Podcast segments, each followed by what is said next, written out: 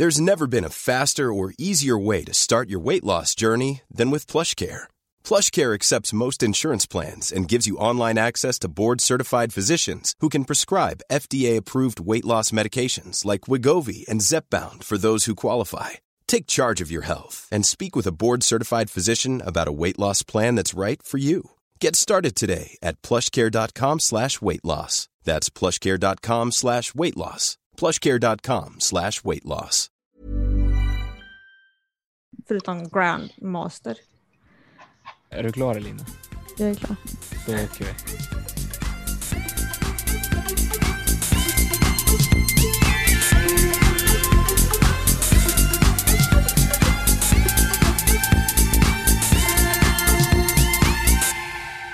Hej och välkomna till avsnitt 112 av Kedja ut, en podcast om discgolf. Idag tillsammans med mig Tommy Bäcke, Elina Rydberg, Nicke Nyman och Mickes discgolf i egen hög person, Mikael Kauto. Välkommen till podden. Hur är läget? Tackar, tackar. Ja, det är bra. Faktiskt. Du ser pigg och Ja. fräsch ut. Eh, ja, det skenet bedrar. Eh, min kropp eh, kämpar emot mig. Nej, jag har haft problem i många år. Men just nu är det artros i höften. Så att, eh, ingen discgolf. Det har det inte varit på några år. Något mycket. Tyvärr. Tyvärr. Därför har jag hållit på med lite annat. Det är grymt. Jag tänker att vi ska komma in på det så, så lång tiden lider, men vi börjar avsnittet med en faktaruta i gammal hedlig ordning. Mm. Och eh, då börjar vi att ställa frågan, hur gammal är du Micke? Ja, 60 år är jag, har jag fyllt. Var bor du någonstans? Jag bor i Skellefteå, Bergsbyn. Eh, vad jobbar du med? Jag är fritidskonsulent på Kultur och fritid i Skellefteå. Hur länge har du spelat discgolf? Jag har hållit på i 25 år, fast sista fem åren har jag tyvärr lite kastande. Mm. Eh, vilken var din första disk? Det är faktiskt två diskar. Eh, Jag slutade med vanlig golf och började med discgolf och träffade, eller jag kände ju Thomas Ekström redan tidigare och sa att jag skulle ha några diskar. Så att jag fick faktiskt två diskar av han. En eh, Aurora MS tror jag det var och en Omega Supersoft. Och det var det. det jag fick börja med. Det är två riktiga klassiker. Eh, Ja. Vilken är din favoritdisk? Ja, alltså kan man välja en disk bara? Det finns ju många sådana. Men eh, ska jag bara gå ut med en disk nog ta en midrange och då tror jag det nog får bli, bli en eh, Fuse. Vilken är din favoritbana? Ja, jag höll på att säga. Ja. Jag måste väl säga terminalen, men det finns flera banor som är bra tycker jag. Eh, Ale, tyvärr nedlagd. Jag var där för en sju år sedan när Jonas och de höll på att bygga. Och väldigt bra. Sankt Hans är också en bra bana tycker jag. Just det. Ja, men det var faktarutan. Känns bara om vi stannar till. Sankt Hans känns bara som vi måste åka till någon gång. Jag hör så mycket bra om den banan. Ja, det, det, den är faktiskt bra. Sen har väl jag ett finger med i spelet vid skapandet av den. Jag och Thomas Ekström åkte, vi var nere lejda att skapa en bana där och eh, vi var där i fyra dagar och gjorde eh, olika dragningar och sånt och till slut kom vi fram till en, en layout som vi tyck, trodde på. Eh, Det fanns ju massa öppna fält och sånt eh, som de själva hade dragit. Men vi for genom skog och sten och stock eh, som vanligt när vi försöker hitta bättre grejer. Och eh, Sankt Hans, har f- föreningen eh, där nere, har fått jättemycket hjälp av eh, kommunen. Faktiskt. Jag ri- ritade in en vattenspegel så, på ett år och sa här kan man ju i framtiden tänka sig en eh, vattenspegel och- om man nu vill och sånt. Eh, kommunen köpte det direkt och gjorde den direkt, vilket jag inte trodde skulle hända. Det är fantastiskt. Skönt när kommunen är så pass medgörlig.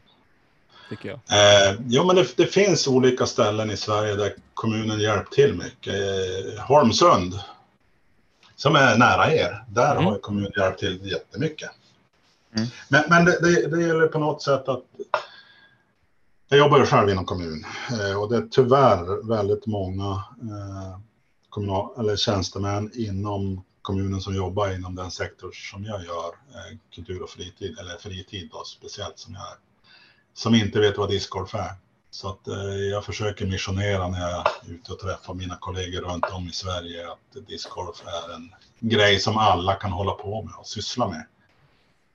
Vad tror du vi spelare kan göra då mer för att liksom öka den förståelsen eller sprida den kunskapen om sporten och så där? Eh, Eh, behöver vi byta approach på något sätt i stort eller vad, vad tror du nyckeln ligger? Jag tror att jag tror det finns två aspekter här. Dels så, jag vet ju att spelare, de som är lite duktiga, de vill ha mycket mer tävlingsbanor, inriktade på tävlingsbanor. Det jag tror att vi behöver mycket mer i Sverige, det är mer åt rekreationshållet, som startbanor. Alltså visst ska man ha en tävlingsbana, men vi behöver rekreationsbanan för att få dem att förstå. Sen, sen ska man som, som klubb bjuda ut tjänstemännen och visa vad discgolf är, för det är hemskt många som inte vet vad det är. Man kan, om jag raljerar lite grann, så kan man bygga en tennisbana för en halv miljon och, utan att blinka nästan. Men hundratusen på en discgolfbana, nej, det, ja. Lite så upplever jag ibland att det kan vara ute i... Det, det är bara att titta på Finland, eh, hur Jussi har lyckats där. Men där tror jag de har en fördel för att eh, tittar man på finska folket och allt som har varit genom åren, eh, vad har de hållit på med? Och de har kastat spjut, de har kastat diskus, de har kastat allt sånt. Så att de har ett annat kasttänk i, i grunden. Det tror jag är en del av eh, av eller Jussis och finnarnas eh, alla banor. Och det är allt från tre, trehålsbanor upp till 36-hålsbanor som har byggts där. Mm. Så man behöver inte tänka 9-18 hål hela tiden utan tänka på att få igång mindre rekreationsbanor för då kan det växa ännu mer. Det har exploderat i fjol. Mm. En större tanke på folkhälsan. Ja, men, men ändå inte eh, glömma bort tävlingsbiten. Men, men jag tror att man ska inte bara tänka tävling och långa svåra hål. För att det finns väl inget... Om man tar ut en nybörjare på eh, terminalens svart 1 till exempel. Eh, det är ju ingen höjdare. De är ju less innan de har kommit halva hålet. Mm. Där finns det annars korgar efter vägen, efter fairway också, så man kan... Det är sant, men... men... jo. Terminalen svart 1 är väl den ett hål i Sverige bland många som kanske förvandlar även ganska duktiga spelare till att se ut som att de nyss har börjat också. Eh. Ja, man måste använda huvudet. Det går inte bara ösa på. Nej, precis. Man måste ha en tanke. Hela terminalen, många hål är ju byggda, eller det mesta är byggt för att man ska kasta till ett visst ställe för att ligga bra, för att komma mm. vidare och hela den biten. Mm. Och jag som kastar alldeles för kort ligger ju alltid i skiten då, när, jag kunde spela. Mm. Känner igen det där ja. Vi kan, jag kan relatera med dig kring det där att man kastar för kort och ligger i skiten. Och så. Eh, men du, om vi pratar lite grann om, mer om dig som person då. Vem, vem är Micke Kauto egentligen i mångt och mycket annat så att säga? Mångt och mycket. Ja, jag bor här i Skellefteå i ett hus tillsammans med min fru Ethel. Eh, och har tre barn, fyra barnbarn just nu. Så att, eh, försöker att eh, vara positiv och hjälpa till och sprida sporten fast jag inte kan kasta eh, mm. själv så mycket. Eh, generellt ganska positivt inställd till det mesta. Mm. Härligt. Spelar barnen? Eh, de gjorde lite grann, eh, framförallt pojkarna. Eh, flickan som äldst, inte så mycket. Pojkarna lite grann, eh, men inte längre. De eh, har lite annat i livet just nu. Ja. Försö försöker få in lite barnbarn, de äldre barnbarnen i varje fall, så vi får se hur det går. Ja, ja men det är bra. Det är bra. Jag vet ju var du bor någonstans. Jag har varit dit en gång och du bor ju väldigt fint till måste jag få säga. Ja, för de som kan kasta lite längre drives så är det väl tre drives till uh, gul. Vad blir det då? Elva? Ja, precis. Jag älskar när man mäter avstånd i kast. Och speciellt när man bryter ner det på specifika diskar också. Mm. Det är Så som 130 Tommy. kast. Det är 130 kast med en berg ungefär. Ja. Eller så som Tommy mäter med, ja men det är fem PA3. Det är ett ganska bra mått. Då vet man att det är 327. Jag tror faktiskt jag klarade under 130 kast med berg. Du, du tror det alltså? Ja. Ja. ja är det en bra. challenge vi har på gång? Ja, vid tillfälle så visst. Ja. Avståndet mellan gul 10 på terminalen och Micke Kautos hus. Hur många berg är det? Precis. Kan slå. Kan bli viralt. Mm. Precis. Vi kanske får skicka en utmaning till Latitud till Jonathan som filmar mycket. Att han får testa det. Se hur många kast han behöver från, från terminalen till Micke med en berg. Han rör väl inte en berg kanske. Nej, det Nej, det är i och för sig sant. Men ändå, man måste ju anta utmaningarna man får. Det är inte värre än så. Ja, vi får se. Vi kan ju kalla det för onamnad putter. Vi kan döpa den till kettlebell för det är ungefär samma sak. Ja, exakt. Mm. Och det är ett bra disknamn i och för sig. Eh, Men spelaren Micke Kauto, nu har du ju haft problem eh, med eh, annat som gör att du inte kan spela lika mycket längre. Men eh, om du har hållit på med discgolf i 25 år så har du ju ändå en, en ganska många år av spel, tänker jag. Jo, det har jag. Men eh, jag, är jag är mest en glad amatör som tycker om att... Jag har aldrig varit riktigt duktig på det, men roligt har jag haft. Och det är väl det som jag tycker att man ska spela och ha kul. Eh, I början, nu 2001, 2002 kanske, var jag, då bestämde jag, då var jag på SM-touren. Eh, Vad var det för oss som inte var aktiva då? Ja, men det, det var en tävling. Jag försöker jag försöker komma ihåg. Det. det var en tävling i eh, Västervik. En på eh, Järva i Skellefteå. Eh, och så en till i Stockholm. Och så, jag tror det var sex deltävlingar runt om i Sverige. Eh, och jag förstår inte att min fru släppte iväg mig egentligen, för vi hade inga pengar. Men hon, hon är guld värd. Eh, men eh, mitt mål var då egentligen, och det har jag väl alltid haft, att, inte försöka, att försöka att inte bli sist. Det känner vi igen. Från oss själva också mycket. Eller hur Nicke? Jo, lyckas väl mer eller mindre bra med de, med de målen man sätter upp. Men, men, men alltså Micke, jag blir, jag blir på riktigt, jag blir jätteglad av att höra liksom att, att spela och ha kul är det absolut viktigaste för dig. För det är ju någonstans ändå det som blir eh, grundbulten när man pratar om discgolf med folk som inte håller på också. Att, liksom att det ska, man ska spela och ha kul.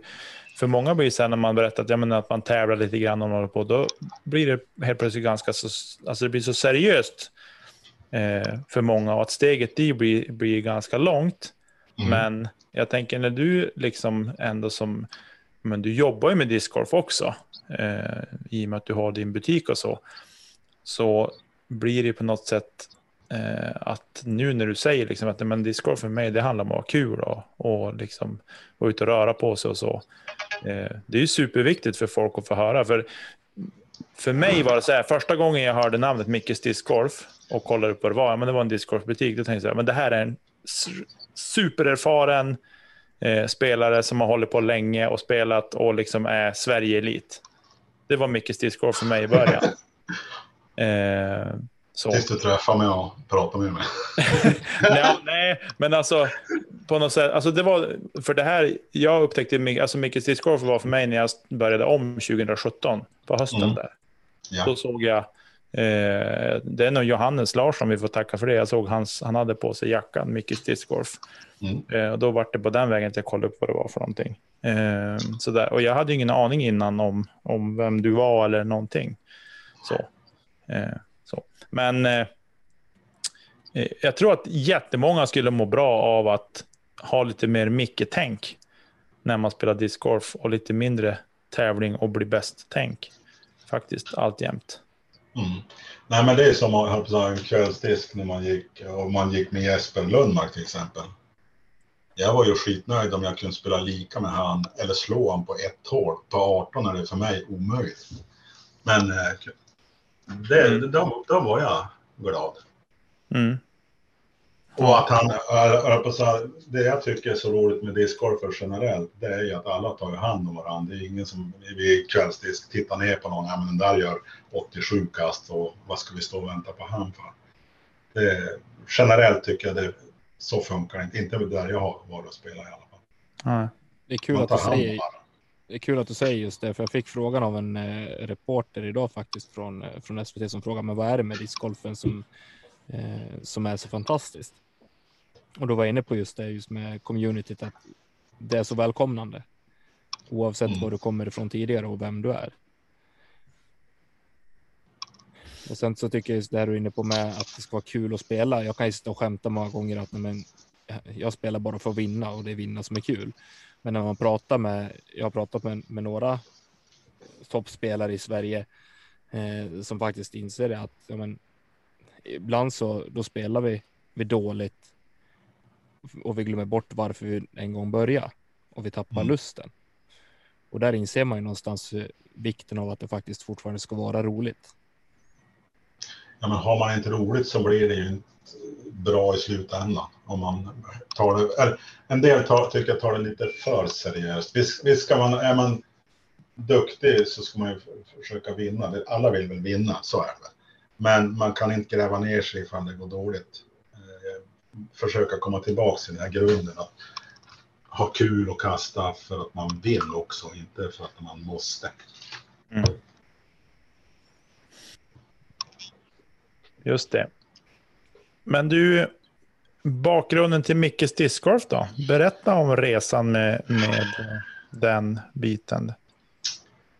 Ja, eh, den, den, alltså, egentligen börjar ju den, eh, jag hjälpte Latitud med bokföring de sex första åren i deras eh, fas. Eh, fick lite diskar som ersättning, på slutet fick jag några kronor i månaden. Eh, men de började växa så mycket, jag la, la ner en 60, 70, 80 timmar i månaden så både jag och Latitud insåg att det här håller ju inte. Så att, eh, så då, då fortsatte jag. Under resans gång där också innan när jag gjorde bokföringen så jag fortsatte provision mot latitud och sälja korgar, eh, diskar, banor, designa banor under några år.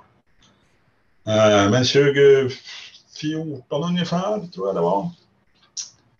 Så eh, Alltså eh, eh 28, 29 tänkte Latitud ha en webbshop. Så att jag byggde upp en hel webbshop då. Och några dagar innan lanseringen så kom man på, för då fanns det 8, 10 mindre, större eh, webbshoppar i Sverige. Disport var ju störst då också. Eh, men eh, Latitud la ner det där så att det blev ingenting. Alltså, alltså 2014 ungefär när när jag kört på provision mot Latitud och sånt så Ja, då, då, då, vart vi, då tänkte jag, ja, men vi, nu blir jag en återförsäljare och, och köper diskar och säljer och startar Mickes. Eh, var min tanke. Så att eh, december 2014 tror jag då, då öppnade Mickes discgolf på nätet. När började du resa då? Liksom runt och åka runt på tävlingar och så? Det var nog egentligen eh, redan 2015. Alltså då, då, eller från början hade jag ju diskarna här inne i huset. Ja, i, I vardagsrummet och ett par hundra diskar. Jag fick väl flytta ner i källaren sen och ha dem där. Men, jag kan tänka att det var populärt när det var disk i hela vardagsrummet. eh, ja.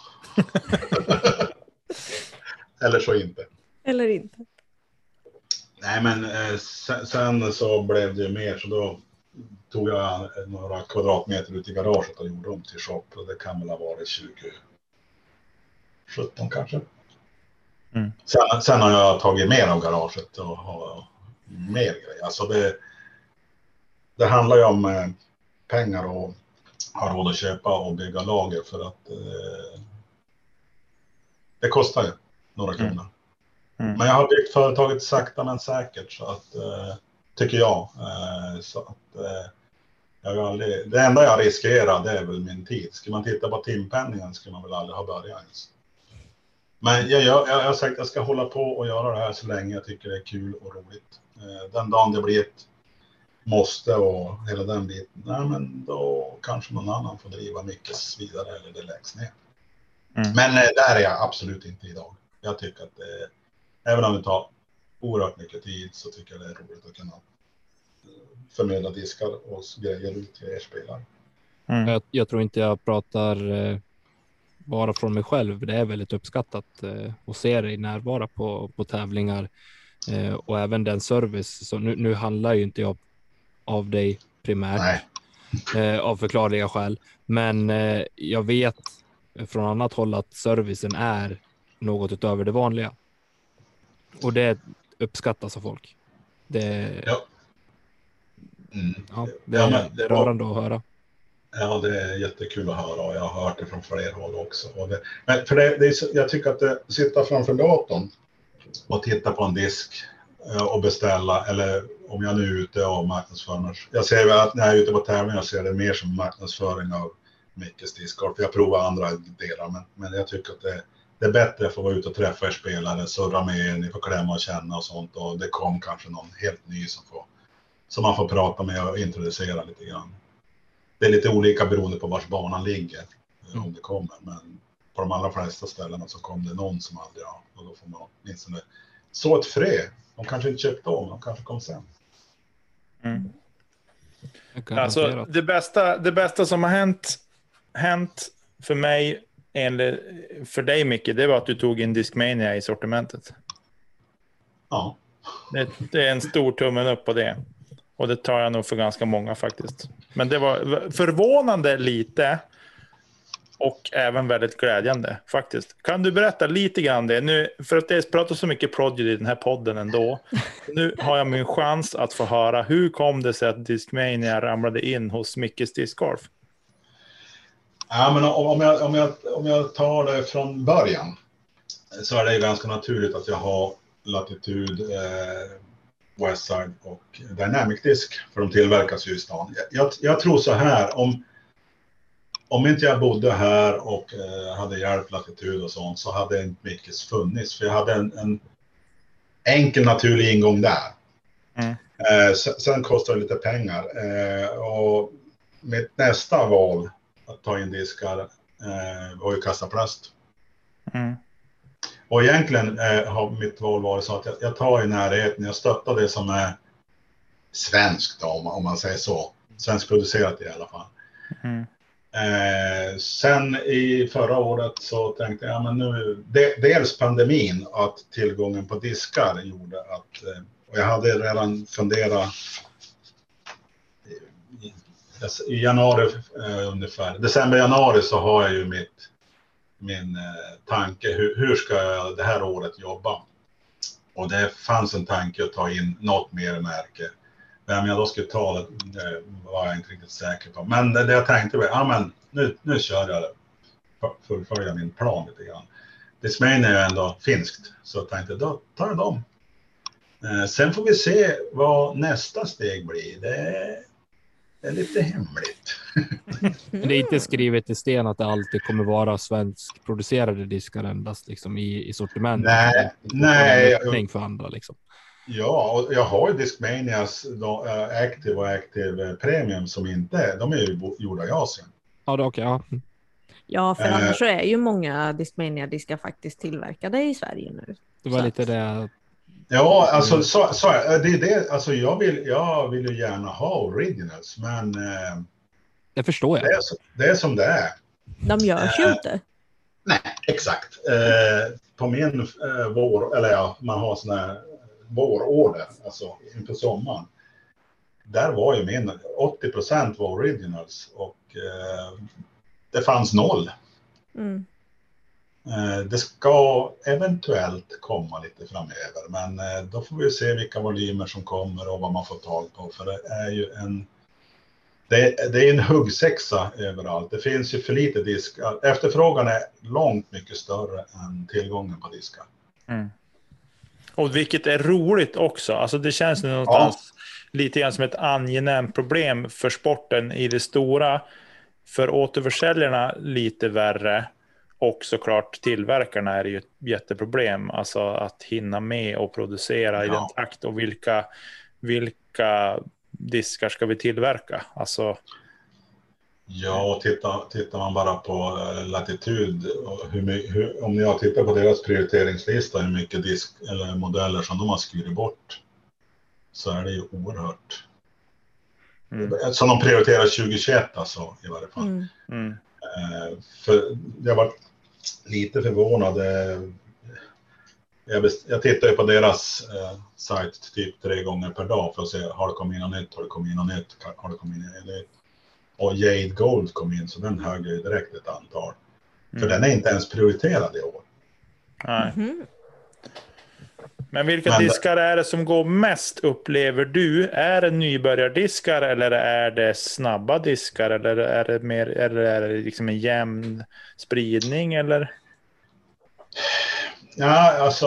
eh, Inte de snabbaste diskarna för det, det, det de går ju emellanåt, eh, går de ju. Men det är ju så få som kan hantera dem egentligen. Mm. Nu är det väldigt, eh, om, om vi tar när jag började sälja, då var ju stiletton väldigt het. Alla nybörjare skulle ha stiletton. Var det på den tiden då det fortfarande stod bör endast kastas av riktiga män och kvinnor?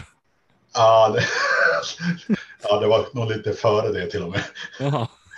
Eh, men, men alla nybörjare skulle ha det och de köpte dem. Och, och, ja, men vissa lyckades jag övertala att inte köpa dem. För det, den, alltså, den gick ju vänster i handen om du är höger än. Mm. Står och rycker som en galen hund. Man står på tid. ja.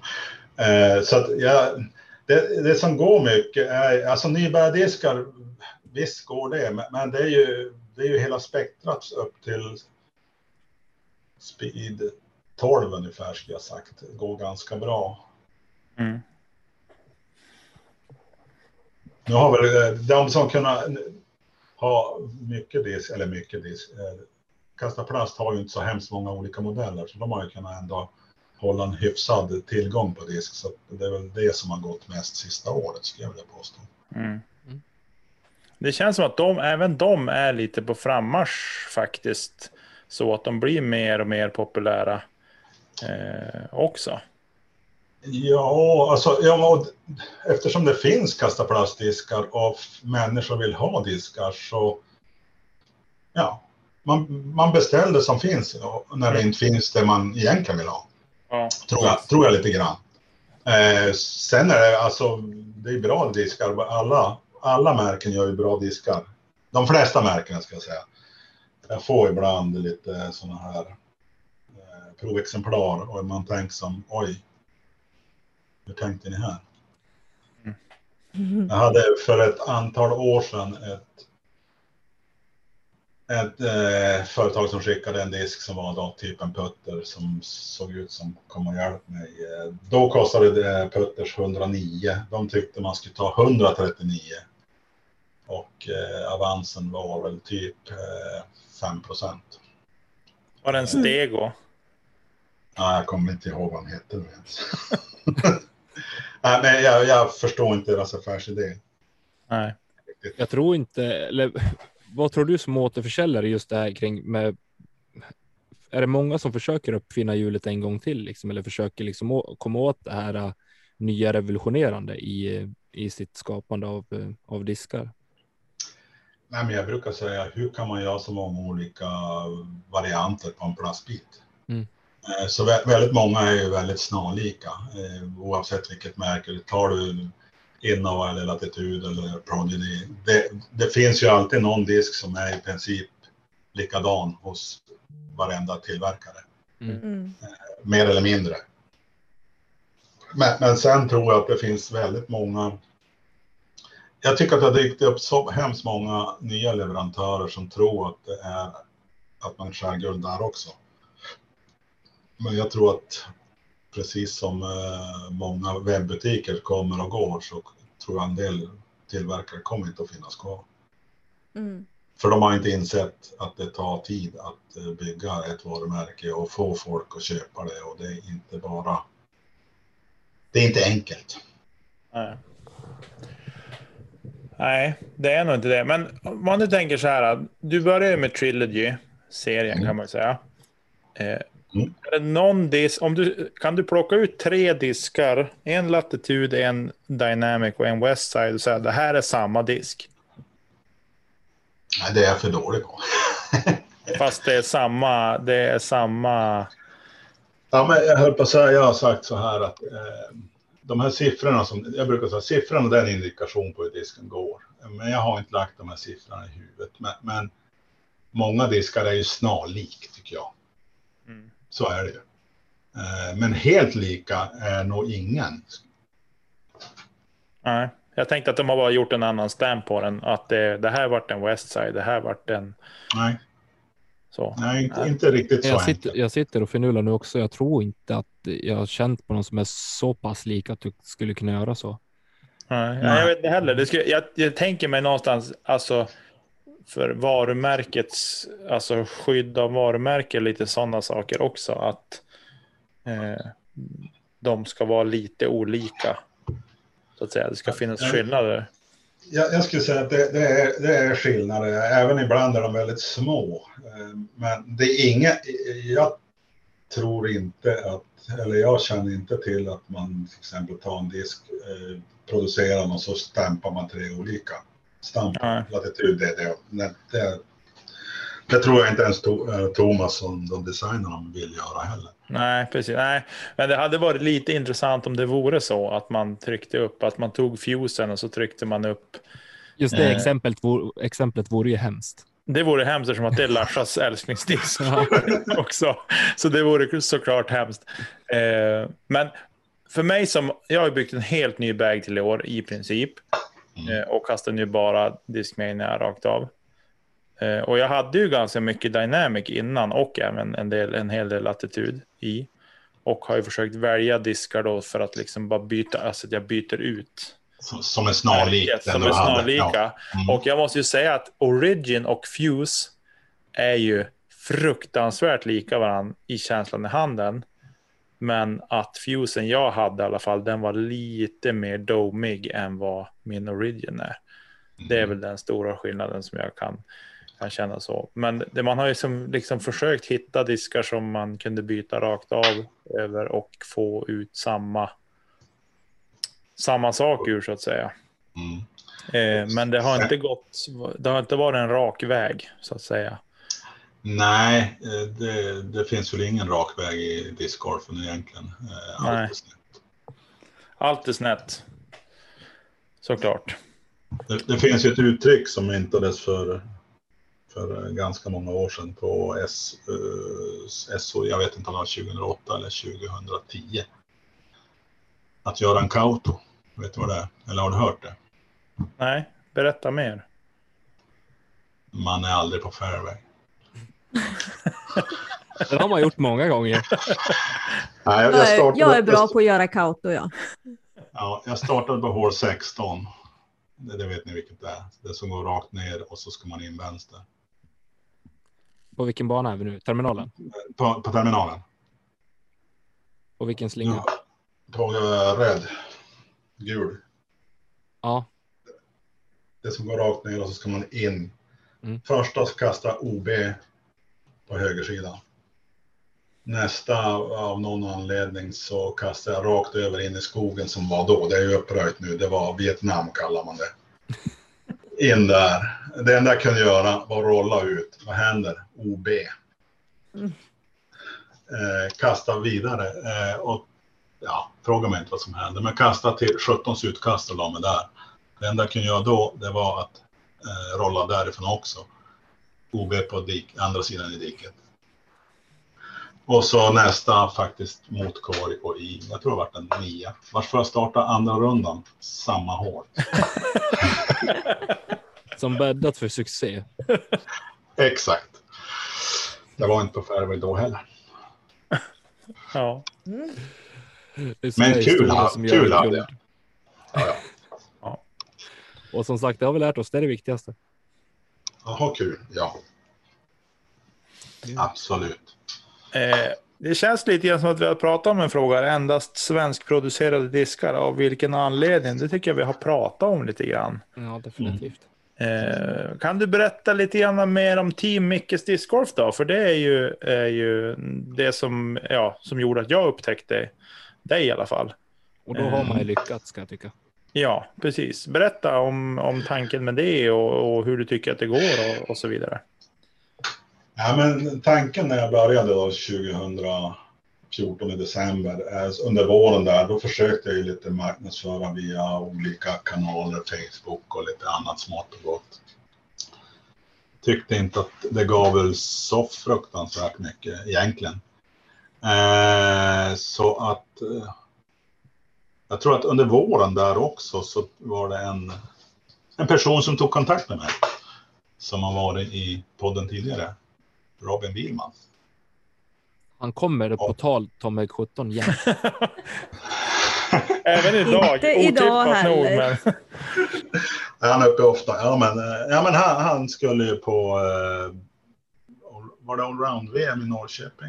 Ja, 2015 va? Ja, 2015. Mm. Så han undrar om eh, ja, han var intresserad av att sponsra han lite grann. Och, ja. Jag sponsrar lite grann. Jag, säga, jag hade ju inga jättestora muskler och har det fortfarande inte. Jag har mitt, min tanke med det hela. Så att han var den första jag sponsrade egentligen. Han var kvar i teamet. Ja, två, två år år, kanske. Ja. Ja. jag tror det. 2017 gick han till Prodigy. Ja. Eh, så att eh, det var väl början. Alltså, Robin var ju första. Sen eh, började jag tänka, jag försökte under sommaren där. På hösten åkte jag och min fru till Kreta och jag hade en liten tanke på att ja, men, jag måste ju ha ett team. Eh, och ha spelare som vill hjälpa till att sprida sporten och eh, sprida Mikis. Man behöver inte alls vara duktig, det, är- det är min ambition. Att, eh, vill man hjälpa till, man kan jobba på så många andra sätt. De här duktiga spelarna, de har jag aldrig råd att ha och vill inte ha egentligen. Eh, för jag vill sprida sporten och eh, de duktiga får de här stora drakarna att ta hand om. Eh, typ Latitud och Prodigy och allt sånt där. Eh, de som är duktiga. Så att eh, jag hade en liten diskussion med min fru eh, där på solstolen och sånt. Eh, min, min plan var ju att ha fem spelare i teamet. Eh, så att, ja men, det var vi överens om rätt ordentligt. Eller ja, hon, hon köpte fem stycken. För att eh, ha, köpa tröjor och disk och ge bort disk och sånt, det kostar ändå pengar. Mm. Eh, kom hem, gjorde en eh, annons i- på Facebook eh, och annonserade efter spelare. Fick väl 40 ansökningar. Mm. Eh, tog en Sverigekarta och så satte jag nålar. Och Hur så började såg man den geografiska spridningen ut? Får vi veta det? Den, den- den, den var faktiskt från, då var den från Piteå till Malmö. Det är bra. Ja, det är Eller, jättebra. Det är jättebra. Ja, Tycker jag. Nej, men, ja, men det, jag, jag tyckte också det. Och så satte jag ut alla, eh, vad heter det, nålarna. Och så tittade jag, helvete så långt Sverige. Om jag bara tar fem här så täcker jag ju ingenting. Det blev 25. Oj. Ja, Eh, så att det, det var första året. Eh, och då, då, ja. Sen har det varit som så att eh, ja, en del är kvar och en del är inte kvar. Av olika anledningar. Har du någon det- som har varit med sedan sen den gången då? Ja, eh, Johannes är en av dem. Johannes va? Mm. Jag sitter och funderar, är det, det är säkert någon mer, men just nu så... Johannes... Nej, Simon han lämnade till i år. Det gjorde ju faktiskt, eh, medan du tänker mycket, eh, när jag flyttade upp till Umeå så var, då var det Robin som tog kontakt med Johannes för att eh, få in mig i discgolfen här uppe. Så Mm, ja, det vet jag. det är ju någonstans vet. på, Ja, med dig i grunden som man eh, fortfarande håller på, måste jag säga. ja, ja, jag tror till och med du har haft på dig en Mickes discgolf-tröja på några par grej med Robin. Jag hade Stämmer det. Ja, det stämmer jättebra. Eh, vi spelade en, en partävling på Ultuna som gick faktiskt. Om du frågar mig gick det väldigt bra. Om du frågar Robin så gick det okej. Men han har ju lite högre ambitioner än vad jag har också.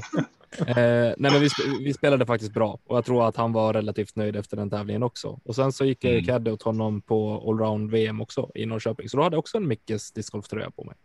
Mm. Och jag tror du har sökt också, men då hade jag bara en i varje stad. Stämmer det? Kan du ha sökt? Nej, nej jag har inte gjort det faktiskt. Jag du har, har inte? inte. Nej. nej. jag har inte vågat mig på. Om jag ska vara helt ärlig. Jag har sökt och jag fick inte komma med, men det var så många andra här i trakten då ändå. Och jag har inga ja. hard feelings vill jag bara säga Micke. Nej. Det, det, är alltså, det är, det är en av de jobbigaste grejerna egentligen. Det är dels tycker jag att eh, man har teamet, de får ju göra en utvärdering och skicka till mig och, och så har man en liten liten genomgång, eller jag har en genomgång och tänker vilka, vilka har gjort det jag vill att de ska göra och vilka har inte gjort det och så ja, får en del lämna. En del, en del lämna av naturliga skäl själva också. Eh, de har något annat på gång eller har ledsna och vill inte vara med. Men att sen då Eh, nu i år har jag väl 32 i teamet. Jag tror det var typ 10 som 10 nya. Det har varierat lite grann upp från 25 till 32, men något år har jag haft 27, 28. Så att, eh, men att välja ut och vilka ska man tro på och hela den biten och vad, vad har de i bagaget och vad vill de här? Och... Mm. Ja, men det, det, det är både jobbigt och kul. Något som jag har uppmärksammat mycket, det är att jag upplever som att du har väldigt mycket tjejer i teamet av de här 32. Ja, jag vill, jag, jag, jag, vill, jag, vill, jag, vill, jag vill ha in mer tjejer i discgolfen. Mm. Och hur, alltså det är ju mitt sätt att försöka hjälpa till att få in tjejer genom att ha tjejer i teamet som då på sin tur kan få in människor. Mm.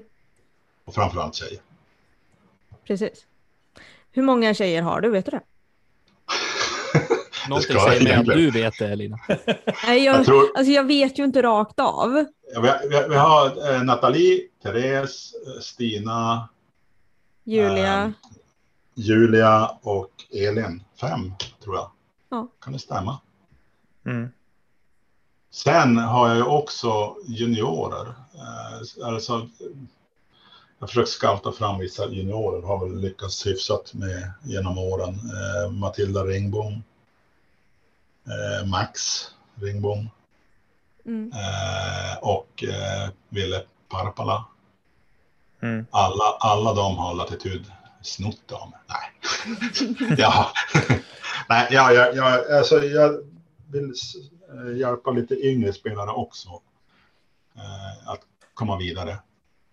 Ja, där har du en bonus eftersom Julia är både tjej och junior. Ja. Mm. Ja, det, hur, hur länge får jag behålla Julia? Ja, det vet vi inte. Nej. Nej, men det, det, det, jo, hon är, hon är jätteduktig. Eh, jag, jag, tycker bara, jag, jag, är inte ledsen för att de går vidare. Jag är mer bara glad att jag kan hjälpa dem att ta första steget. Det är väl likadant med Robin Wilman egentligen. Eh, han är ju, han började hos mig, sen har han gått vidare och är jätteduktig. Det, det glädjer mig bara. Jag tycker mm. man verkligen ska se det så att eh, de spelarna som du faktiskt har haft som har tagit steget ut till, men du nämnde det själv som de stora drakarna, eh, sedan är, blir, du blir ju någonstans en, en moderklubb eller ja, men motsvarande. Ja. Eh, och det är någonting eh, som man verkligen ska, ska suga åt sig av tycker jag. För du har ju hjälpt spelarna på, på vägen eh, och bli där de är. Mm. Ja, det är så jag ser det. Och få eh, sporten att växa, det, det, är ju det är mitt mission. Jag tror inte jag kommer att bli miljonär på det här, eller jag vet att jag inte blir det. Eh, jag ser det som en liten pensionsförsäkring kanske. Att, eh, det kan bli lite grädde på moset när man går i pension om ett antal år. Mm. Ja, det, det är otroligt inspirerande att lyssna på dig, Micke. Måste jag säga. Verkligen. Du är en pionjär av, av rang. Jag blir bara glad av att höra dig berätta om, om resan och dina tankar och idéer och så. Eh, det värmer verkligen. För det, många gånger så kan jag uppleva själv att man kör fast i vissa spår. Så här, man glömmer den här helhetssynen som jag upplever att du har på ett annat sätt. eh, så än vad jag som spelare har. Och eh, det är nyttigt att få höra en, ja, en återförsäljare och eh, dina tankar med det. Så. Framförallt en fantastisk ambassadör för sporten. Ja, precis. Ja, det, det, jag, det jag präntar in i mina teamspelare, det är, visst ska de spela sporten, men när de spelar ska de ha kul. Eh, det, vinna, alltså result, vad mina, mina spelare gör resultat, det tycker jag är mindre viktigt. Om de vinner och sånt så är det, det är bara en bonus, men, men det viktiga är att de ska sprida att det är kul att spela och sprida discgolfen vidare. Och gärna Mickes då, så också. Då alla, alla spelarna har ju en kod så att, som de sprider till sina vänner. Så det är på så sätt som jag också ser hur, hur jobbar de och hur, hur får de till det. Så att, eh, de har ju en liten intern tävling sinsemellan också. Mm. Ja. Just det här att man har någonting att promota med, alltså typ att ja, men de kan ge en rabattkod och så ser man liksom att ja, men gör de ett bra jobb så kommer ju du att se det i slutändan också. Eh, I och med att beställningarna som kommer in är riktade mot den personen då. Mm. Så det kan jag tänka mig som företagare att eh, man uppskattar. Det, det, är ju ett, ett sätt, att, ett av målen som, man, eller som jag tittar på när man ska gå vidare eller inte. Men det är ju inte, det är inte hela grejen. Det kan ju vara någon som har väldigt, eh, väldigt få, eh, koderna används väldigt lite. Men de kanske har gjort något, mycket, något annat som jag värderar. Så att det, det, det är inte säljet som är hela grejen. Nej, Nej såklart. Alltså man, sen, du ser ju om det är någon som har en eh, klinik eller en tävling eller något liknande då i ditt namn också. Mm. Uh.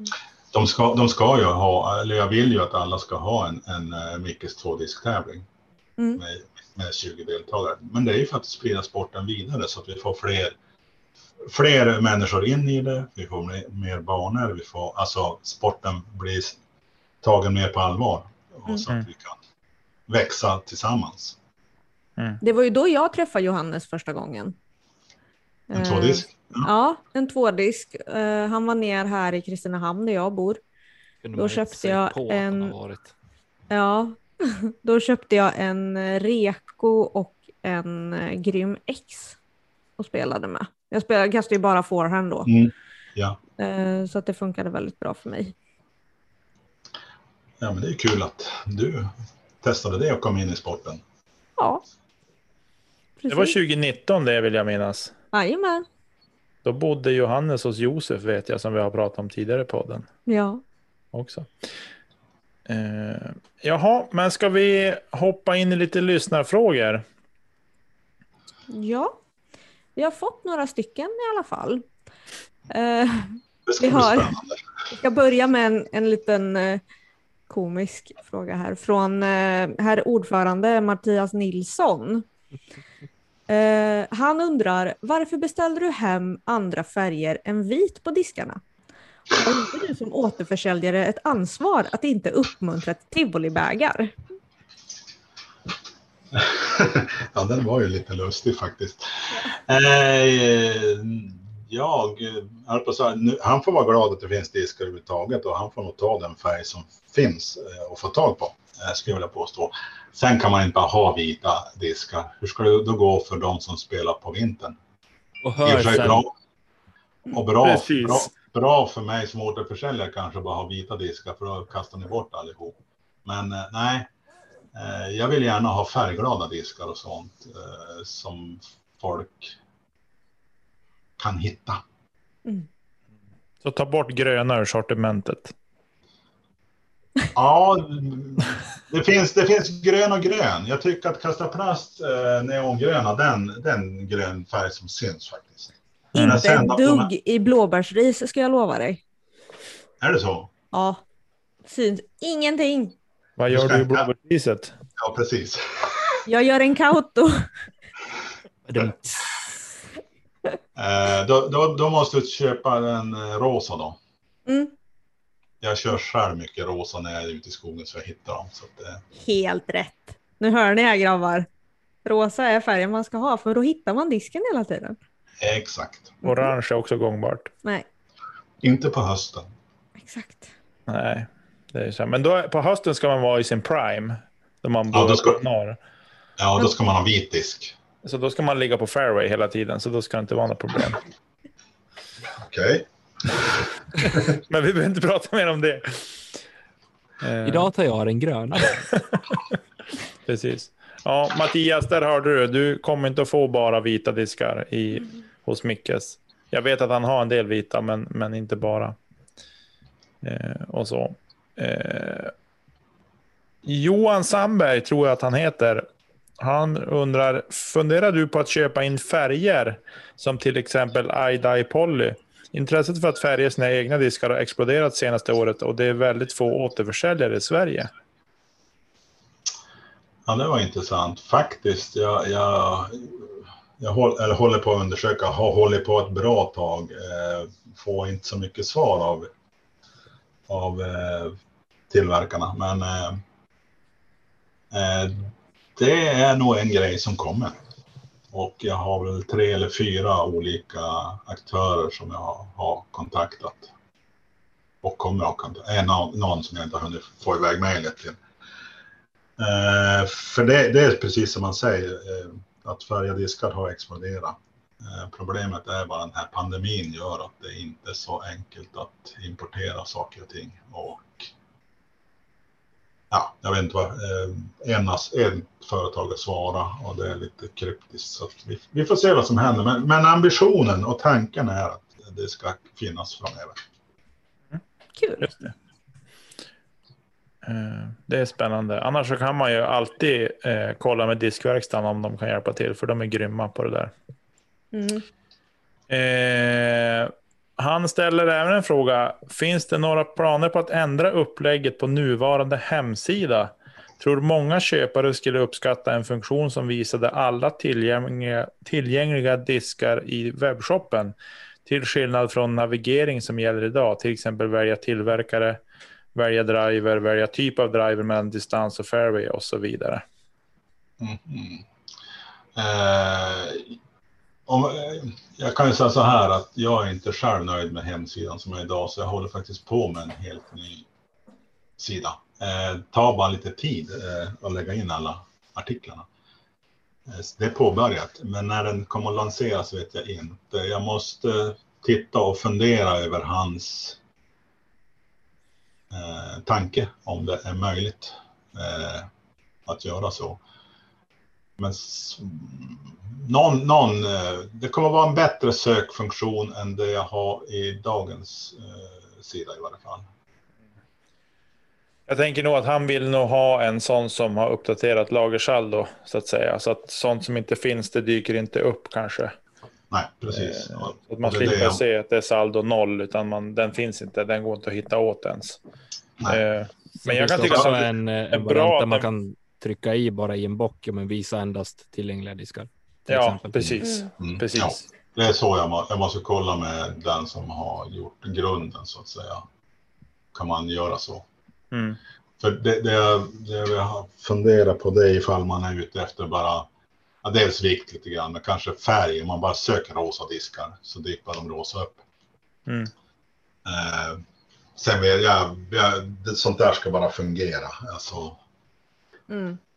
jag vill lägga in produkten och sånt och sen ska det runt omkring fungera. Jag tycker inte om de, när jag startade hemsidan, eller den som jag köpte av då, eh, vart uppköpta för två år sedan. Innan så gick det köpa tid för att få till eh, grejer i shoppen.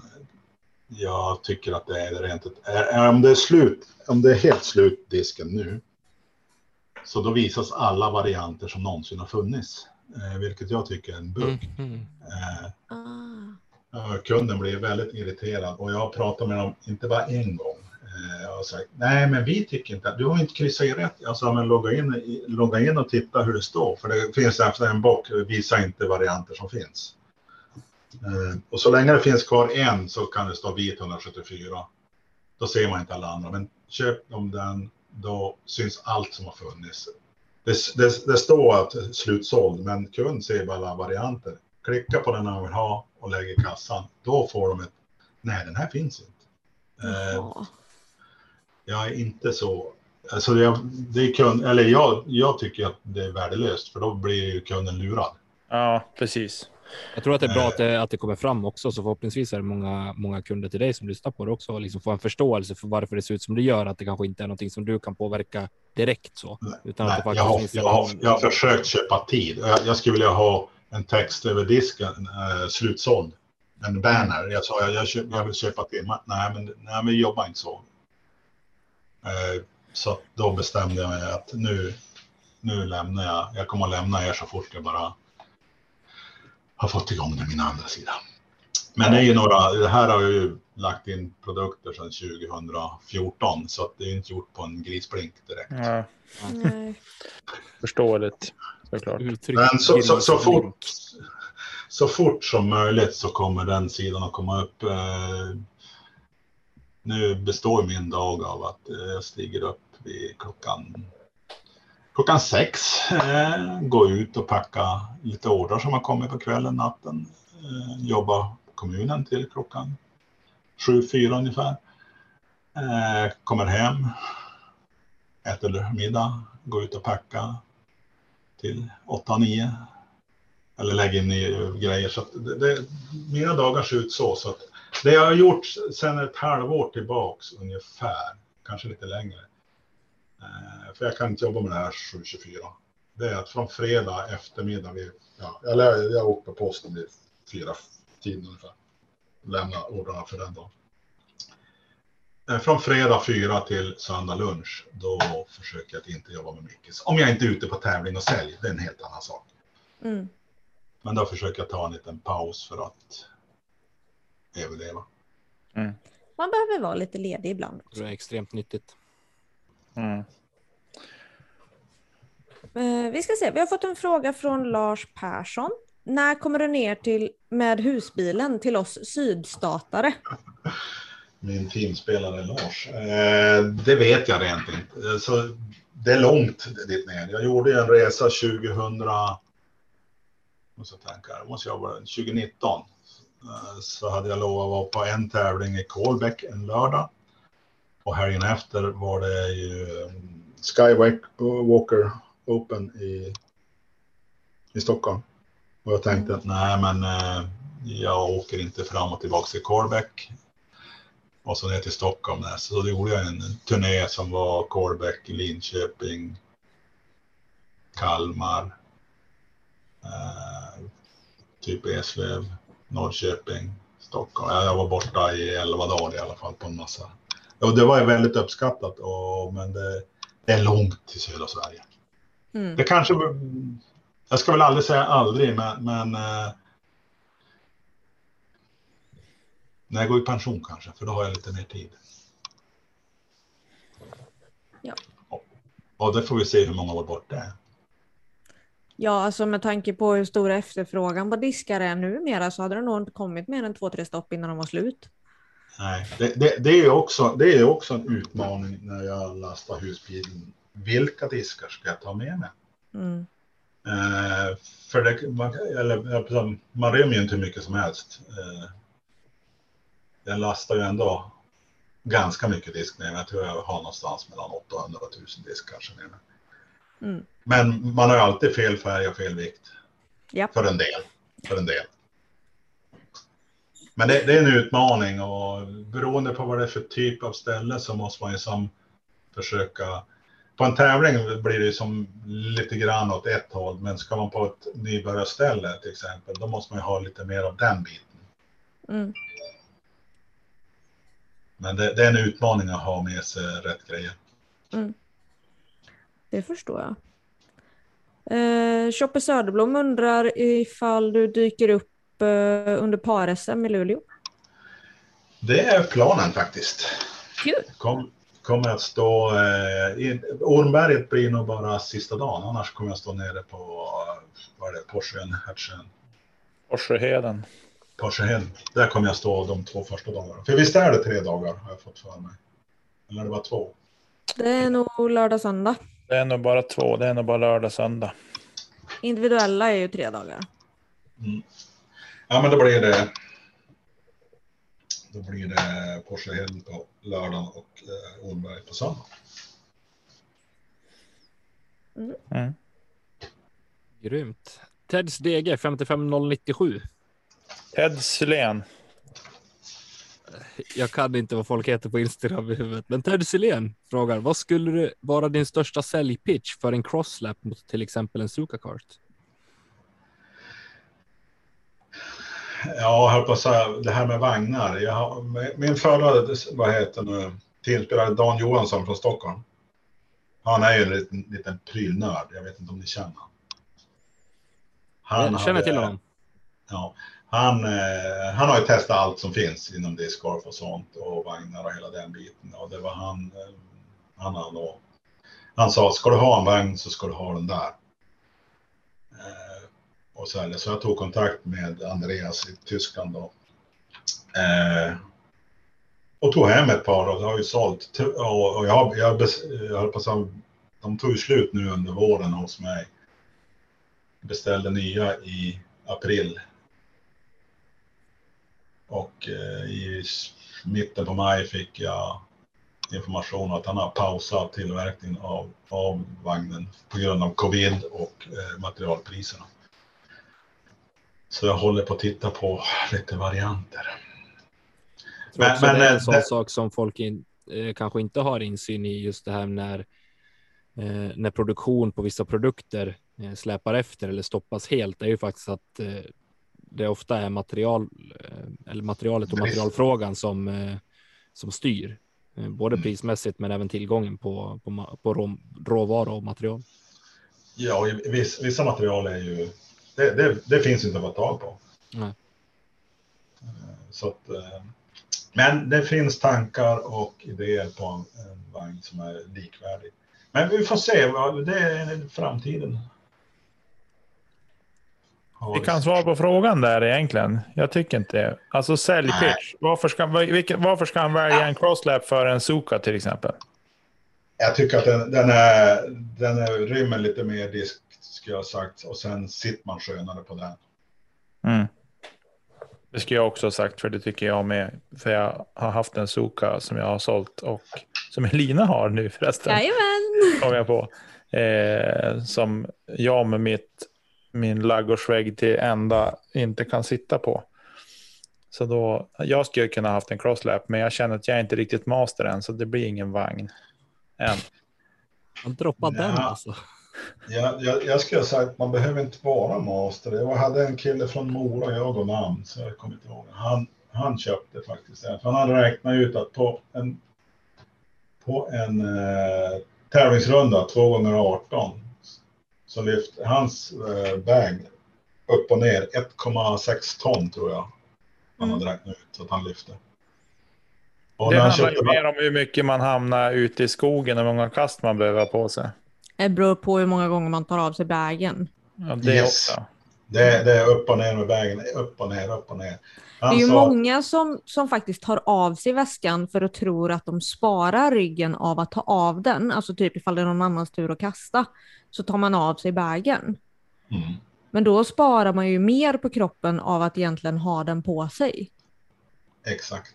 Han, han, han sa att när, efter att han eh, köpte så, nej, crosslappen så tre till fyra kast per tävling bättre gick han för han var inte lika trött och slut. Nej, exakt. Så där har ni alla vagnhaters. Gå med jo, vagn. Tyvärr, jo, men tyvärr, alla banor passar ju inte för vagn, så är det ju. Nej. Eh, men, men där, det, där det går så rekommenderar jag absolut. Kan man ju undra Sen, varför det inte är så många vagnspelare som vinner då i sådana fall. Det är för att de som är duktiga är vagnhaters. Nej. Exakt. De, de kanske skulle vinna med ännu mer kast om de hade vagn. Hade vagn. Ja, det är sant. Hade en som vann damklassen i, eh, på första NTn som har vagn. I för sig. Jag hade ju inte vagn där, men. Nej, men du kan väl ha ibland. Ja. Nej, men det, jag hade det inte velat ha vagn i sanden i Mora. För att dra en crosslap på Wasteland. Wasteland. Ja. Nej, det är det jag säger. Vissa banor funkar inte. Men, men sen är det ju en investering i också. Det ska man inte sticka under stol. De är ju inte gratis. Nej. Men är man prylnörd som en annan, då ska man ha en vagn. Om den Ja. ändå bara ska stå så ska den finnas. Ja. Korrekt. Jag, jag tycker min Ted han. Ted han har åldern inne för att ha en vagn, så det tycker jag han ska köra på. Mm. En crosslap helt enkelt. Förlåt Ted. Vi pratade faktiskt i telefon idag. Ja. Har vi några fler frågor eller? Ja, Micke. Ja. Jag, eh, jag la ut en liten teaser innan vi började spela in, men eh, nu vill jag ha svar. Vi står inför ett eh, stundande discgolf-VM och jag vill veta vem som vinner FPO respektive MPO. Ja, jag som inte hänger med alls på det, för jag hinner ju inte. Jag höll på att säga, packar ju disk och sånt och skickar till er. Men eh, Skicka till han som vinner. Eller hon. nej, men. Eh, hmm. Paul Macbeth kanske. Och Page Pierce. Gissar. Mm. Sen vet jag inte eh, hur, hur de spelar just nu. Ärligt talat, jag hinner inte eh, hänga med där en sekund. Page sopar väl gatan med allt och alla. Eh, Paul är väl inte lika överlägsen, men det är väl inte helt eh, omöjligt att han skulle gå och vinna ett VM igen. Vi får se. De har ju en växel till. Både, alltså Page visade ju på, på eh, US Women's att hon var outstanding. Och det var ju en major. Och nu är det en till. Och det känns som att de har, det, det är den kryddan som behövs för att de ska leverera ännu hårdare, alltså ännu mer liksom. Eh, så att Paul, jag tror ju hjärnan säger Paul, Ricky eller Eagle. Men hjärtat säger Lisotte. Men det är ju Mm. bara för att jag gillar han. Han är min favoritspelare såklart. Men det är inte realistiskt att tänka att han ska vara med och slåss eh, om, om bucklan på så vis. Men jag hade gärna sett det såklart. Ja, jag är nog inne på samma spår som du Nicke faktiskt. Eh, det känns som att det är eh, de tre som ligger absolut närmast med en liten bubblare i Calvin Heimberg. Men hjärtat säger Chris Dickerson. Jag tror Ricky rakt av. Och Han på blir- damsidan, på damsidan så ska det bli sjukt spännande eftersom att Tatar har tagit sig över. Eh, Ja, hon vinner rakt av. så ska det bli fruktansvärt spännande att se hur hon kan matcha upp mot tjejerna i USA. Jag Faktiskt. tror kanske tyvärr att hon har haft lite för dåligt motstånd nu så att hon inte riktigt är mentalt på den nivån som Page och Cat är just nu. Nej, Jag tror det kan vara sätt- liksom nackdelen för henne. jag kan förstå resonemanget och Mm. håller med delvis. Men samtidigt så tänker jag också så här att hon går in förutsättningslöst. Hon har ingen aning vad som väntar henne heller. Utan hon ska spela sitt spel och se vart det bär. Eh, Jag hoppas hon vinner. Det hade varit sjukt häftigt om hon vann faktiskt. Ehm, och, men annars, jag tror att annars i övrigt så Hailey King kanske kan blanda sig i, men jag tänker att det är nog Katrina eller Page som det kommer att stå emellan. Eh, bortsett från Christine då, som jag hoppas innerligt spelar riktigt bra golf. Ja, det Mm. hoppas jag också.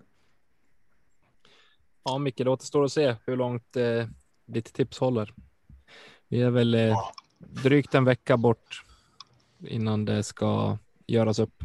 Midsommardagen får vi väl veta sent Mm. in på natten där, in på småtimmarna där det väl bara var innan det är klart. Liksom. Ja, vi får Mm. se vad som händer. Det blir kul. Micke, vill du eh, lägga till någonting eh, mer? Eller känns det som att vi har avhandlat eh, det mesta? Det mesta tror jag väl kanske, det finns väl alltid saker att prata om. Eh, Men vi får väl se vad som händer framöver och sånt och vad som händer med Mickes. Kommer inte att lägga ner än. Jag tycker att det är så roligt att hålla på. Det tackar vi för. Mm. Det kommer en order ikväll Micke, jag lovar. Jag måste Ja, ha. det- ja, jag hoppas det kommer många ordrar från lyssnare framöver. Det ska det göra.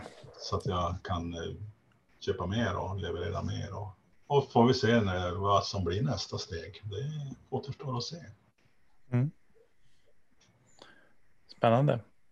Vet du vad Elina, har du på? något du vill säga? Eh, jag vill säga att det var väldigt roligt att ha dig med Micke. Och Ja, är få ett ansikte. Sen så har jag bara suttit och, och myst nu under den här tiden för att jag tycker att eh, din dialekt är helt underbar. Den blir eh, extra mysig när man sitter och lyssnar på den. Ja, tackar, tackar. Ja, varsågod. Men i övrigt så vill jag bara säga tack. Det har varit väldigt roligt. Ömsesidigt. Eh, aldrig gjort något sånt här förut. Så det här. Det hade inte jag heller för ett år sedan. Kanske blir det en Mickes podd? Nej? Oh, Ah, när ska jag hinna det? När du har gått i pension. Det är på delegera. lördagar eller söndagar före klockan 12. ska jag vila? Johannes och Johan kanske är sugen. Det är bara att delegera. Mm. Ja, ja, vi får se. Ja, nej, jag kan bara instämma med föregående talare. Det har varit eh, fantastiskt kul att äntligen ha fått med dig i podden. Eh, jag, eh, jag kommer att lyssna på det här avsnittet. Jag tyckte det var mysigt.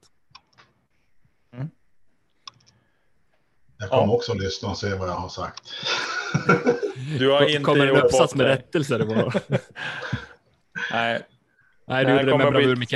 Grymt. det här kommer att bli ett uppskattat avsnitt. Jag är helt övertygad faktiskt. Så stort tack för att du ville vara med. Ja, det är nära att få vara med, tycker jag. Ja, roligt att höra. Roligt att höra. Så att behöver ni plast, in, surfa in på mickesdiscord.se och eh, klicka hem det ni vill ha, som jag ska göra när vi är färdiga här. Har ni honom sent till stötta- kommunjobbet. precis. Och vill ni stötta Mickes teamspelare så tar ni en raid på Instagram först och letar reda på koder. Så eh, får ni stöttat den vägen också. precis. Ja, Grymt. Tills eh, nästa gång vi hörs, hörni, vad gör vi inte? Ja, Micke, vad gör vi inte? Eh, nu är jag lost. vi kastar inte kedja ut brukar vi säga. Så. Jaha, okej. ja, vi kastar inte kedja ut. Helt Det är rätt. bra. Grymt. Hej då, hörni. Hej.